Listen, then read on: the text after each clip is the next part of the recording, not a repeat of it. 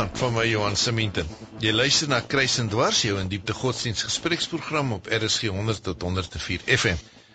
Vanaand wil ons 'n bietjie praat oor die kerk in Afrika en ons gaan in besonder kyk na die verskillende onafhanklike kerke as deel van die groter Afrika kerkprentjie. En ons sal so 'n bietjie ook oor die sioniste praat daar in die Gauteng Transvaal area ken mense hulle beter as hier. Maar dit is die soort ouens wat ons dikwels op 'n Sondagmiddag sien wat op hulle eie buitekerk hou. Hulle het uh, mooi kleure of blou of wit of groen verskillende goed. En dan wonder ons baie keer wie is hulle en wat doen hulle en hoe aanbid hulle uit onnet omdat ons nie weet nie. En daar my gaste vanaand in die ateljee is almal kenners van een of ander aspek van die Afrika geloof. Ek het by my in die ateljee vir Henny Pretorius van Belwel. Nou Henny en baie welkom by jou. Nou Johan. En dan ons ook vir Dani van Sail van Welgemoed, dan Dani, baie Hallo, welkom ja. aan jou. En dan op die foon het ons vir Dr. Sello Maboya wat per telefoon by ons inskakel uit Johannesburg. Nan Sello en baie welkom ook aan jou. Goeienaand Johan. Hoe noem mense hierdie kerke? In die ou dae was dit onafhanklike kerke of Afrika kerke of independentistiese kerke. En nie hoe moet mens die kerke noem as of kan jy hulle nie in 'n versamelterm noem nie? Nee, ek dink jy kan. Uh hulle is beslis Afrika kerke, maar daar's natuurlik ook kerke wat nie uh wat anders is as die gewone Afrika, noem dit nou maar hoofstroomkerke. Ek hou van die naam Afrika Onafhanklike Kerke. Die Engelse praat van African Independent Churches, African Instituted Churches, African Indigenous Churches wat nou inheems is soos wat bome byvoorbeeld uitheems is of inheems is. Die kerke is dan inheems. So daar is verskillende name, maar ek dink die breë terme Afrika inheemse kerke is is heel gepas. En sê hulle jy idee hoe groot omvang van die Christendom in Afrika maak dit uit? Ek het nie presiese idee nie, maar hulle is meer as sal ek sê 7000 in in in ons land. Hulle groei so vinnig dat die mens nie kan uh, by bly by hulle groei nie. Uh maar hulle hulle versprei elke keer. En nie? Ek uh, die die die syfers wat ek het is dat uh een uit elke 3 van die swart mense van Suid-Afrika behoort aan een of ander vorm van hierdie kerk. Dit maak dit dus eintlik die grootste genootskap as mense versamel term gebruik in die land.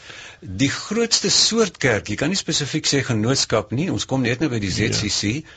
maar ja, en en dit is versprei oor die hele ganse Afrika, Wes, Sentraal, nie Noord nie, Noord is Islamgebied en Suidelike Afrika en Oos, uh, dit is oral versprei. En Dani, hoe oud is die kerke?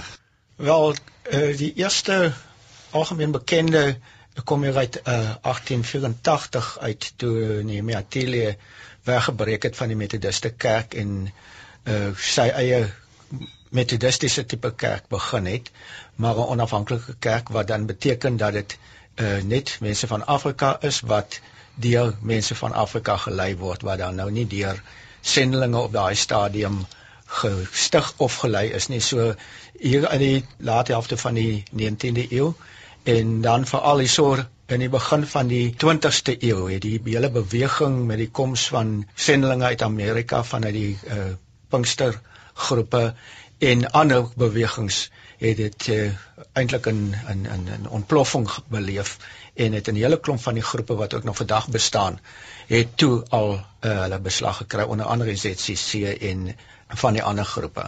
As ek reg is ek sê dat die die ouens wat van die metodiste weggebreek het die naam Ethiopiese kerk vir hulle gekies het om hulle Afrikaskap te bewys en dat dit eintlik was omdat hulle teen witskap gedoen het. Was nie so seer 'n uh, dogmatiese kwessie nie of lees ek dit verkeerd? Nee, ek dink jy lees dit heeltemal reg. Uh daar was een of ander soort, wat kan ek sê, simboliese band tussen die staat Ethiopië of Abessinië en hierdie vroeë kerke. Hulle het in Ethiopië was vir eeue lank was dit 'n Christelike kerk te midde van 'n klomp omringende Islam lande en uh, Haile Selassie was toe dit nog die keiser daar en hulle het gevoel hier is 'n swart Afrika vorm van Christen kerk en ons voel 'n bepaalde verwantskap met hulle.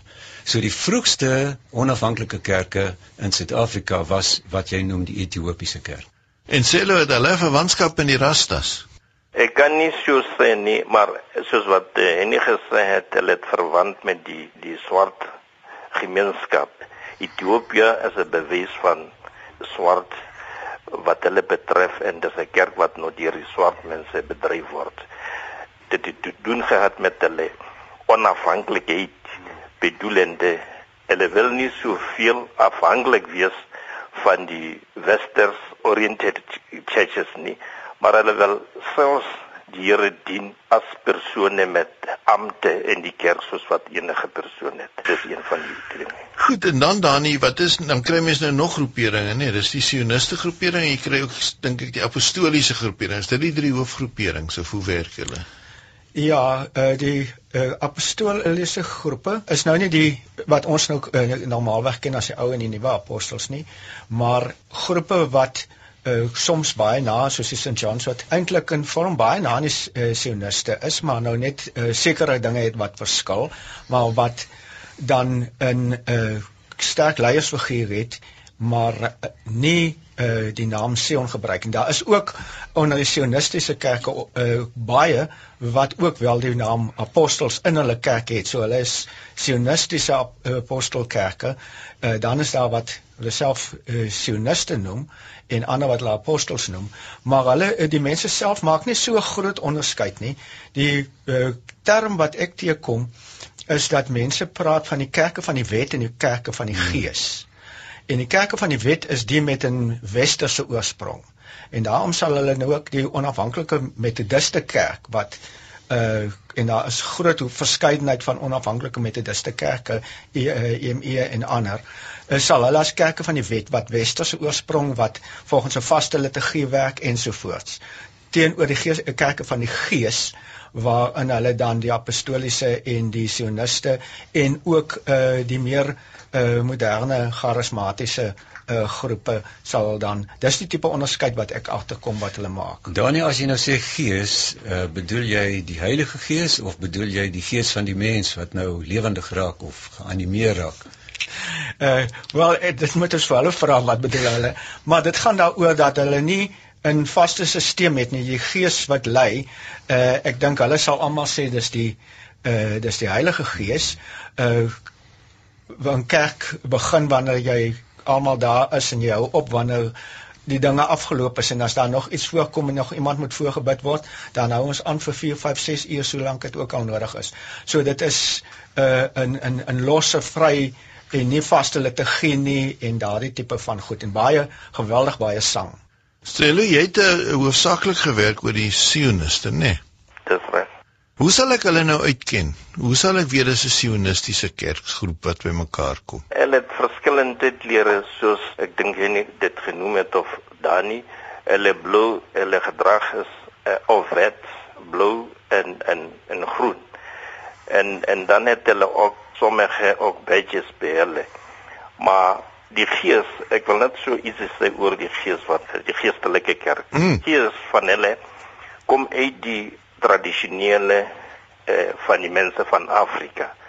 'n konsep oor die gees. Gees is nie eh, abstrakt nie. Gees is 'n realiteit. Gees in in die Afrika se mense is nie menslik of onmenslik. Hy is oral daarso en hy's dinamies. Hy hy maak ook 'n threat vir die mense wat nie baie krag het nie. Daarom sal die mense dan sê hulle verlang na meer krag of gees, maar gees kom daar uit dat die mense van Afrika verlang of streef om meer krag te hê om te kan survive. Want want die lewe is is nie volkome sonder 'n mens met baie gees met krag nie so te sê. So krag in daardie sin is om ons jouself te verdedig. So dit kom uit daardie tradisionele maar dan verbind hulle dit met die gees soos wat ons dit in die Bybel kry in Acts chapter 1 verse 8. Hulle sal die krag ontvang. So 'n mens moet maar eintlik vra watter gees want uh, soos tereg gesê jy kan nie sommer aanvaar dis die gees soos wat 'n mens dit Bybels het nie. En dan kom daar nou nog iets van die voorvadergeeste ook by of nie? Presies, daar's baie verskillende geeste manifest homself in die voorvadergeeste in drie fasette as ek dit mag noem. In die ancestral afgestorwenes of ancestors hy manifesteer homself op in die tradisionele geneesere en hulle medisyne en gees vertoon homself op in die witches en sorcerers. So daar's 'n verskil tussen 'n tradisionele sê nou maar 'n toordokter en 'n heks. Ja, ek weet nie, daar's nie so dinge nie. 'n Toordokter is nie nie regte naam nie. 'n Heks is, is maar sal ek sê witches. Maar 'n toordokter is daardie eh uh, traditional healer ja, ja. medisyne eh uh, sleg gebruik vir vir to harm the community. So jy kry jy kry dat daar geneesheere is of traditional healers is wat gebruik maak eh van die medisyne, die krag in die medisyne. Hulle sal ook praat van die, die krag. So dis die gees want daai gees of daai die krag wat hulle gebruik is bo natuurlik. Hy kan die die harm of die skade skade wat gedoen word aan die mense beskerm. En dit is hoe die gees homself manifesteer. Maar ek moet sê selfs in die eh Afrika gelowig, hulle hou nie van die die die die die, die gees soos wat hy homself manifesteer in die witches en die sorcerers is nie aanvaarbaar nie. Jy weet want hy is nie daar vir die goeie vooruitgang van die gemeenskap. So dit sal 'n bose gees wees. Jy nie jy wil inkom hier op? Ja, ek jy weet ons westerlinge uh as ons hoor van hekse dan dink ons nou liewe heksie of so van die. Jy weet dit is 'n interessante ding. Maar uh in in in selfs in Europa was hekse verbrandery tot relatief baie laat. Dit was 'n verskriklike ding. Mens moet onthou dat as jy glo dat jy getoer word deur 'n heks, dan is dit absoluut lewensbedreigend. En dis boos. Dit is dit is boos. Iemand wil jou terugkry, iemand wil wraak neem, iemand wil uh, sorg dat dit sleg gaan met jou. Wil self jou lewe vernietig. Dit dit is nie dis nie 'n geringe saak. Ons ons westerlinge dink nie in die terme nie sodat ons dit nie oordentlik kan waardeer nie maar tradisionele geneesere, hulle rol binne in die kerke? Jy vra my nou 'n dubbele vraag. Hulle tradisionele rol Dit is nou juist die hele wonder van hierdie Afrika onafhanklike kerke, veral wat Dani genoem het die kerke van die Gees. Hulle gaan te kere, hulle hanteer die bonatuurlike bose magte op 'n ander manier as wat die tradisionele Afrika godsdiens hulle hanteer het. Hier kom nou Christelike waardes by. Hier kom nou stukke evangelie by. Dit dit dit, is miskien die groot verskil tussen die sogenaamde hoofstroomkerke, ook die swart hoofstroomkerke en dan die onafhanklike Afrika kerke. Maar miskien vra ek nou vir julle 'n baie dom vraag, maar dit is 'n vraag wat my interesseer. Uh Christus behoort nie aan 'n bepaalde kultuur nie. Christus bring iets anders vir ons.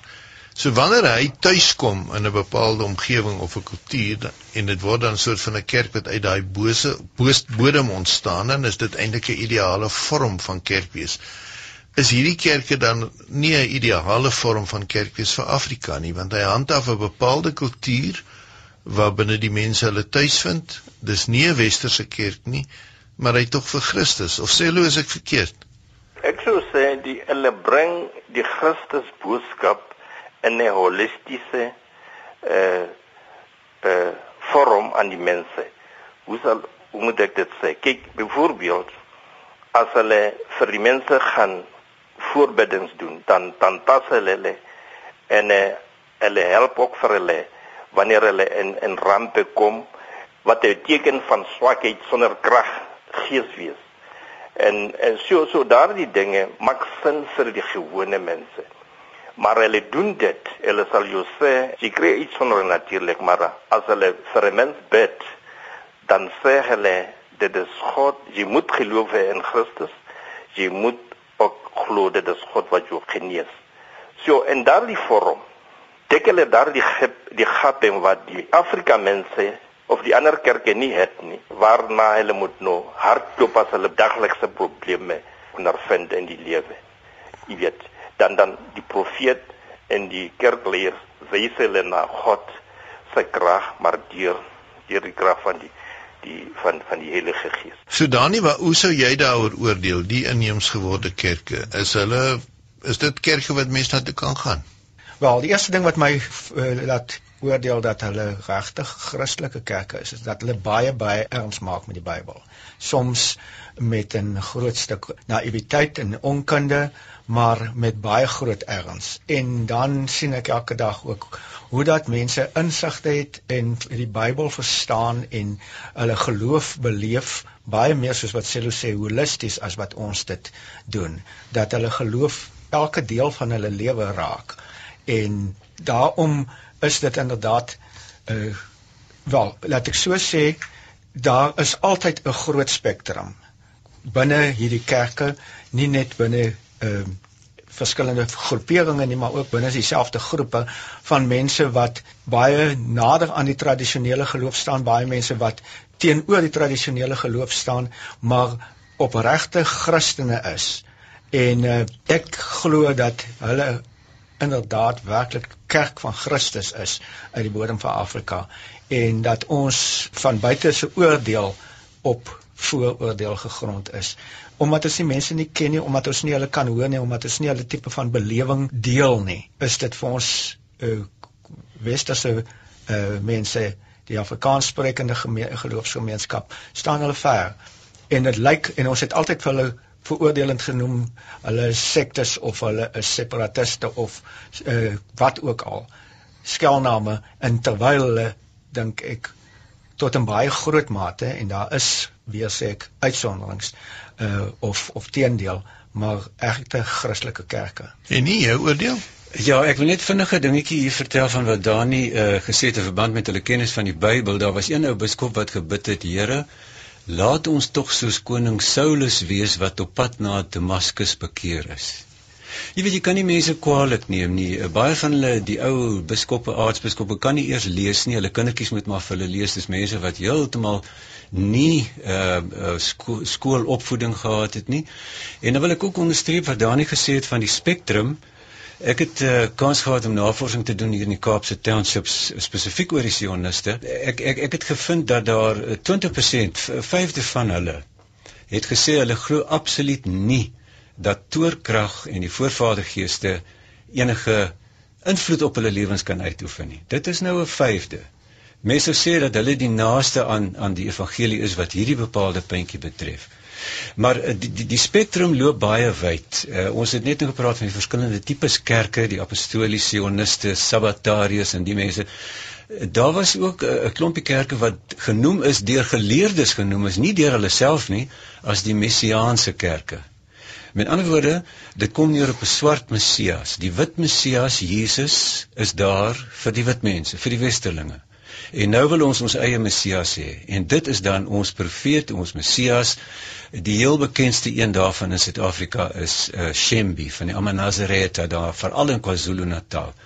Maar hierdie groep is omtrent so ver weg van wat ons kerk noem dat 'n mens huiwer om hulle 'n kerk te noem. So hulle sou nie saam met die sioniste genoem kan word in hierdie sin nie. Ek ek, ek, ek dink daar daar is 'n kloof tussen hulle. Daar is baie ooreenkomste in terme van teruggaan na die ou godsdienst toe, maar uh, hulle is baie nader aan die Ou Testament en sy gebruike as wat hulle byvoorbeeld nou aan die Nuwe Testament is. Jy is ingeskakel op RSG en die program is Kruis en Dwas. My gaste vanaand is 'n klomp doktore, Dr. Selo Maboya, Henny Pretorius en Dani van Sail. En ons praat vanaand oor onafhanklike kerk in Afrika met 'n bietjie die fokus op die sioniste. Maar Dani, jy het nou net vir my gesê ek moet versigtig wees wanneer ek oor die sioniste praat, want 'n mens moet 'n onderskeid maak tussen ZCC, dis die bekende een wat ons ken, nee, wat die groen dingetjie dra met die wapen en die ander sionistiese groeperinge. Verduidelik net vir ons 'n bietjie meer daarvan.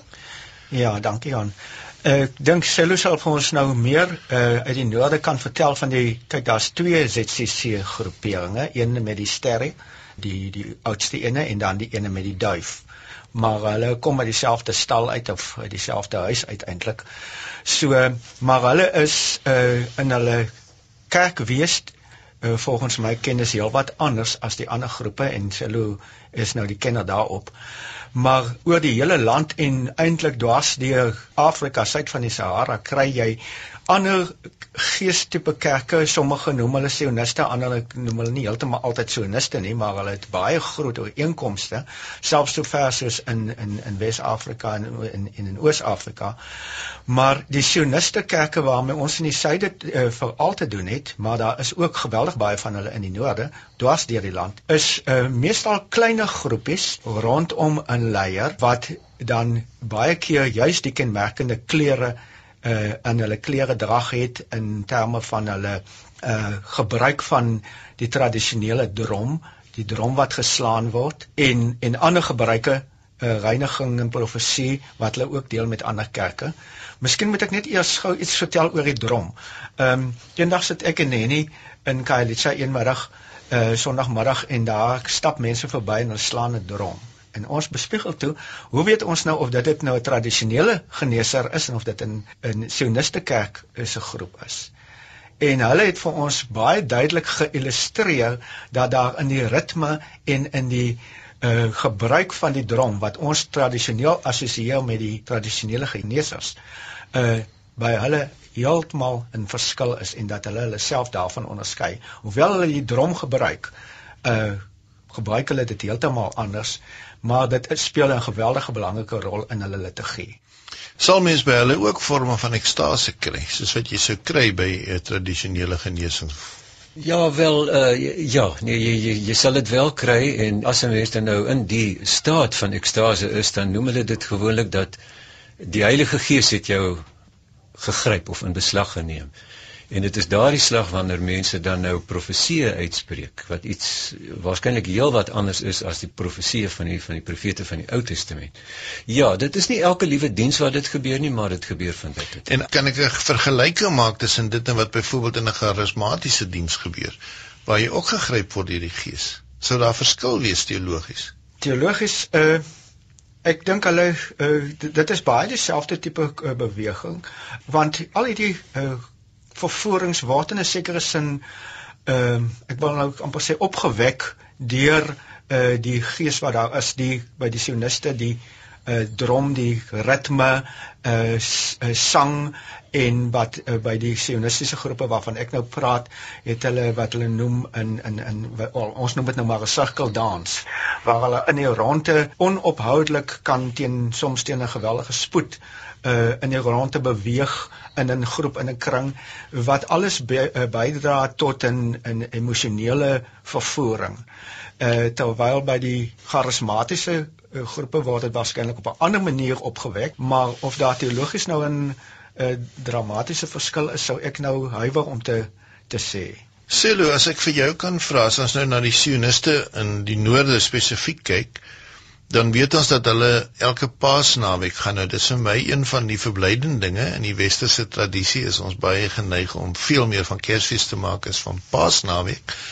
Maar daar's Paasnaweek groot naweek en almal gaan dan Moria toe.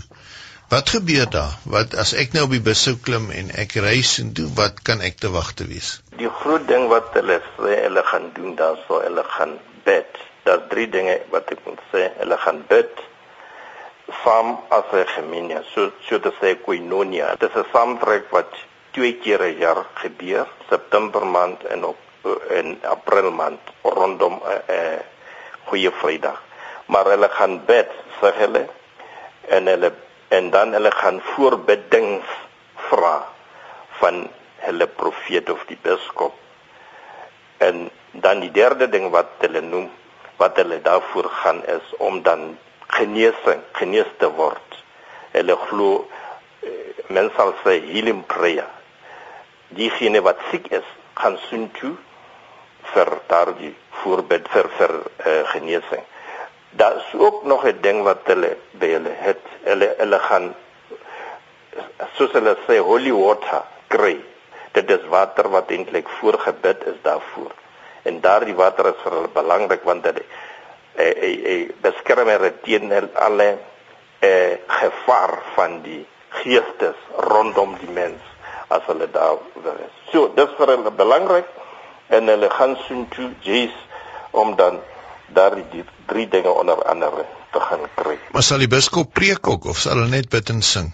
By die ZCC 'n preek op 'n Sondag. Hy tree op so 3 uur en dan preek hy vir vir 'n uur maar dan het hulle klaar begin op Vrydag normaalweg.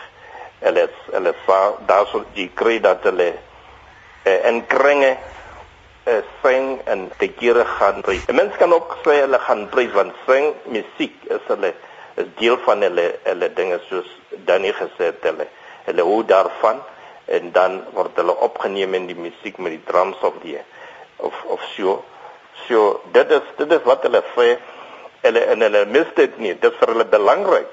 Weet, dit is vir my Johan baie baie belangrik want hulle hulle neem dit so reël dat hulle soontoe moet gaan want hulle glo as hulle soontoe gegaan het dan het die Bybel se verlange vervul. Daarom word die plekke Moria, Jerusalem, Zion genoem en daardie name het 'n etiologiese konsep wat hulle betref. Dit mag nie met ons aangaan nie, maar vir hulle is dit 'n konsep wat sê daarso is die plek of waar God wat hulle aanbid, het teenwoordig is. Hey nee. Ja, as hulle so praat, jy weet, dan dink ek aan 'n aan 'n pragtige titel van 'n boek, 'n raaktitel van 'n boek wat oor die inheemse kerke van uh, Oos-Afrika geskryf het. Die titel is A Place to Feel at Home. En dit is presies wat die kerke daar ervaar. Dit is 'n plek waar ek my my frustrasies, my pyn, my siekte, al my probleme waar ek dit kan uitstort aan die Here saam met mede-Christene en ek voel tuis daar. Dit is nie 'n 'n stywe noem dit maar Witmanskerk of 'n Westerse kerk. Ek voel tuis daar. En waar jy tuis te skep, dit is tog wat Sello genoem het koinonia. Jy jy jy voel tuis met mede-Christene. Kan ek vir julle vra hulle rangorde? Dis altyd vir my interessant dat hulle biskoppe het en aartsbiskoppe. Hoe werk dit? Het hulle 'n paus? Daar nie? Uh, ja, die sioniste groepe wat ek nou uh, van praat wat nou nie die ZCC is nie. Uh meestal het hulle 'n aartsbiskop uh, wat dan nou die hoof is, dan is daar uh verskillende biskoppe onder die persoon wat dan nou vir sekere areas uh, verantwoordelik is, sê nou maar in 'n sekere provinsie of om afhangende van hoeveel lidmate hulle het. En dan het hulle nog wat hulle noem 'n president uh wat nou meer uit die metodistiese tradisie kom wat meer 'n toesighouer is. Onder hom het hulle dan nou nog nog uh, dan die leraars die predikers die dominees en dan het hulle ook nog verskillende la, uh, laarampte van diaken of evangeliste of uh verskillende ander ander funksies.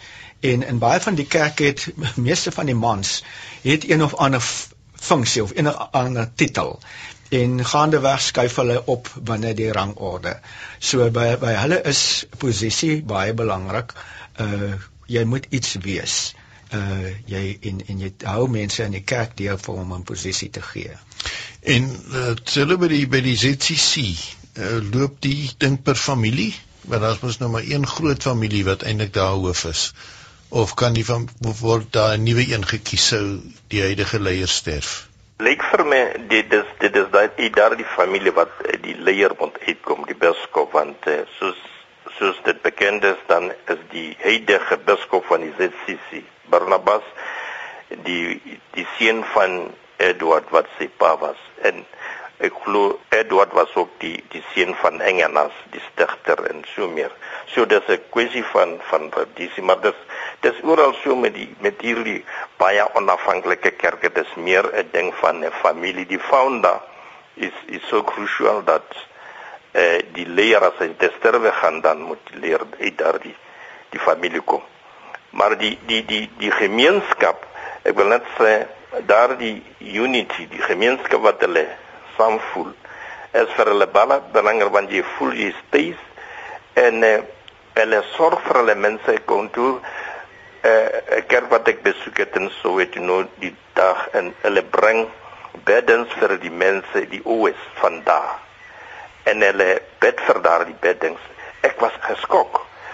Ek het jammer gevoel ook van vir my kerk want ek ek sien dit doen. En ek sê nie my kerk is nie is baie reg, maar ons doen nie vir ons kan sê hulle hulle verstaan nie die Bybel nie, maar vir hulle is wat die Bybel sê, soos letterlik allegories of hoe ons hulle hulle hulle gaan daarvoor en hulle doen dit. En uh, ons so uh, ons ons moet baie van hulle leer. Natuurlik natuurlik en ongelukkig of gelukkig so die meeste van die mense wat by hulle gaan kom van die sogenaamde wat ek noem mission oriented churches. Bedoelende die die die die kerke van die westers. So daar sê hulle as jy vra hulle het lewe gekry. En as 'n swart man sê ek het lewe gekry bedoel hy het tevredenheid het aanvaarding hy voel tuis en uh, alles is is is vir hom goed. Nou wat die ZCC reg kry wat my interesseer of ten minste die naam daarvoor is dat hulle geen sterk drank sal gebruik nie en dat hulle as werknemers uiters betroubaar is. Hoe kry hulle dit reg? Ja, ek ek dink hulle hulle het respek vir die vir hulle so veral as jy kry hulle met die badges. Hulle sal nie maklik 'n food maak as hulle dit die die kry hulle wat wat food te maak met die badges, maar vir hulle daardie badges wat hulle aantrek en die hoede sê vir hulle ietsie eh van hulle geloof asof as hy nou steel dan sien as 'n mens kan dit so stel die kerkleier vir hom en en dit is 'n kwessie van so dat 'n teologiese konsep wat verband hou met die leier van die kerk of die kerk self net soos wat ons dit sien in die Bybel eh dat ons Christus of God deur Christus moet uh, eintlik respekteer. So jy jy jy jy kry sulke dinge dat dit dis vir hulle belangrik om nie kwaad te doen nie. Eerder om mekaar se hande te vat. Dis 'n kwessie want hulle soek self hulle sal by die kerke hulle sal sê as 'n mens nie 'n werk het nie dan sê jy vir vir die mense en dan hulle kry vir jou help vir jou help soek uh, werk soek.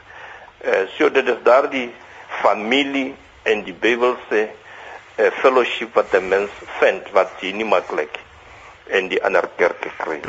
Dan wil ek nog ietsie vra. Uh, Afrika is tradisionele patriargale gemeenskap. Dit is waar die mans baie sterk dominant is. En nie in die kerke, wat is die rol van vrouens?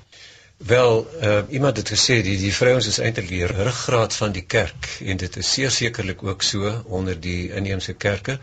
Dit is dink ek een van die die aantrekkingskragte van die evangelie, dat die evangelie in Afrika die vrou bekragtig het. Iemand het uh, mooi gepraat uh van die krag van die vroulike spiritualiteit. In die ou tyd uh, het die vrouens in Afrika werklik baie moeilik gelewe. Vrouens moes vir maande lank rou wanneer iemand dood is. Daar is poligamie, daar is vroue besnydenis. Ag, daar is allerlei aardige goeters. En geleidelik het die Christelike geloof dit verander. En ek dink die uh onafhanklike kerke se vrouens hulle hulle hulle hulle hulle is gelukkig. Hulle stadig aan stadig aan stadig aan werk word daar aan daai hele ethos van man is baas punt. Word daaraan gewerk. Ek sal nie sê dit word heeltemal ondermyn nie, want vrouens glo ook hulle moet hulle plek ken, maar dis natuurlik dan die mans wat sê wat hulle plek is.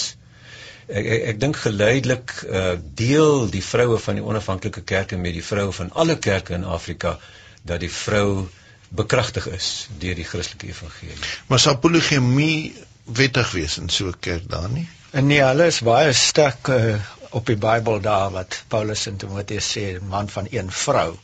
Uh so uh dit het ek nog nie teëgekom dat in die groepe met wie ek te doen kry uh daar's daar is wel uh, van die kerke elders in Afrika as ek reg is wat wat dit aanvaar soos ons weet in Amerika is daar ook sulke kerke maar uh, uh dit is een van die goed waarop hulle baie baie sterk uh staan uh, dat hulle 'n man van een vrou moet wees en uh ook uh dat meeste van hulle sê ook 'n man kan nie 'n leier wees as hy nie getroud is nie want hy moet hy hy anders loop hy rond.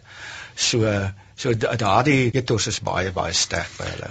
Sê hoe kan jy dalk dan vir my help want ons die president om net om 'n voorbeeld te noem is iemand wat meer as een vrou het maar wat homself tog 'n Christen noem. Aan watter soort kerk van die onafhanklike kerk sal hy dan kan behoort? Dis dis moeilik maar wat ek kan sê is dat uh, jy kry verskillende aspekte van die van die kerkleers ook wat dat diegene wat nie omgee om meer as invloed te hê maar maar ek ek stem met eh, Dani saam dat die meeste van die mense die kerkleers hierso is dat hulle een vrou sal moet hê.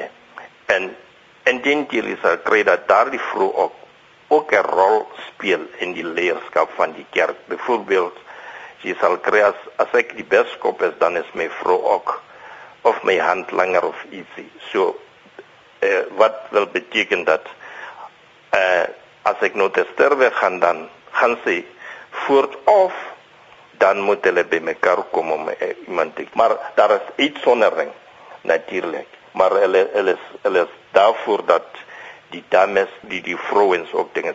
Ge, gepraat van die van die die dinge as jy dink van die eh Mankuse kerk wat nou in Christine Mankuse kerk. Sy is 'n vrou baie sterk en eh, sy het eh, die die kerk so gelei dat eh, baie mense verarentlik eh, hoog hou terwyl sy nog vrou is.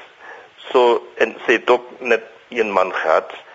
So dit is dit is maar eh die algemeen sal ek sê monogam. Dit is so. Goed, het, het, ek wil so baie goed nog vir julle vra en, en nou het ons min tyd oor, maar ek dink die een ding wat ek graag sou wil vra Danie, hoe moet ons na die kerke nou kyk?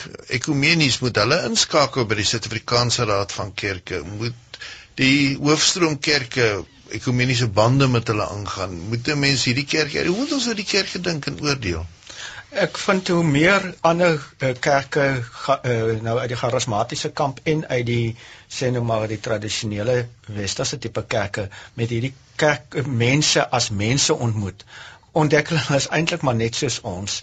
Hulle doen goed, sommige goed anders, maar hulle doen sommige goed soos wat Sello gesê het ook waarskynlik baie beter as ons.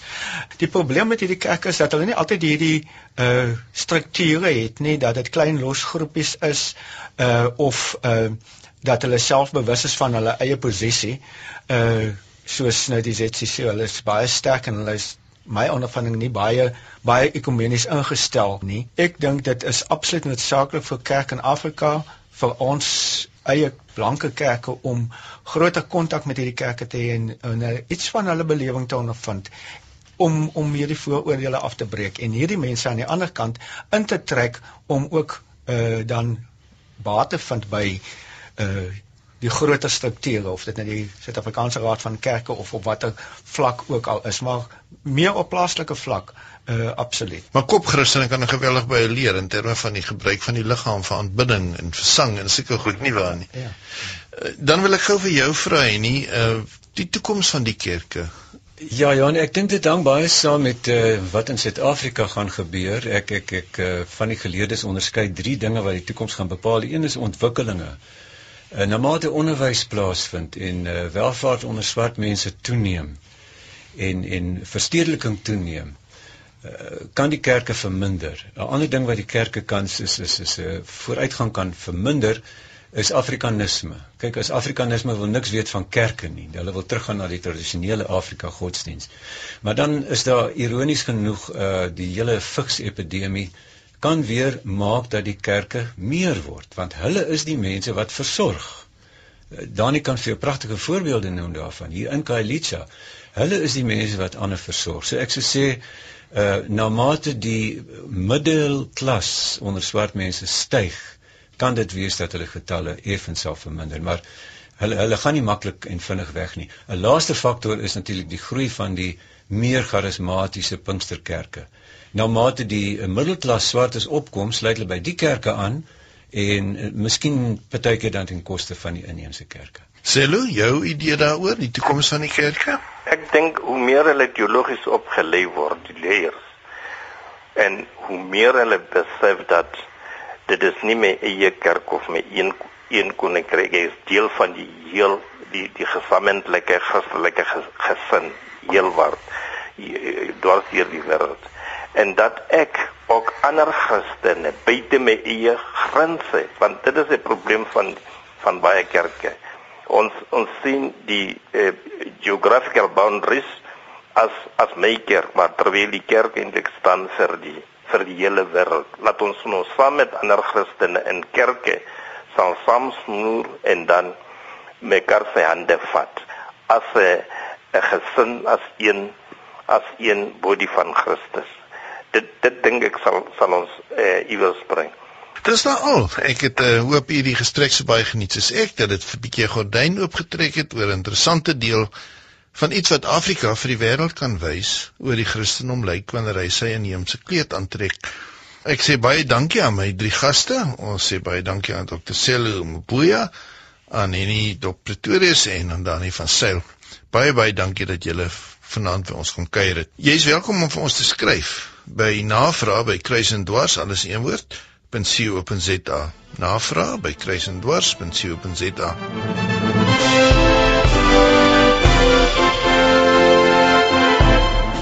Nou dis tyd om totsiens te sê. Ek groet namens die span in Kaapstad. Neil Roo is ons produksieregisseur en ons programregisseur is Lisel de Bruin. Dankie dat u ingeskakel het.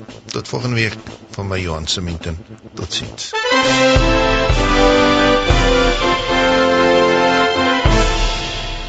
Kruisendwars is versorg deur Wordwise Media.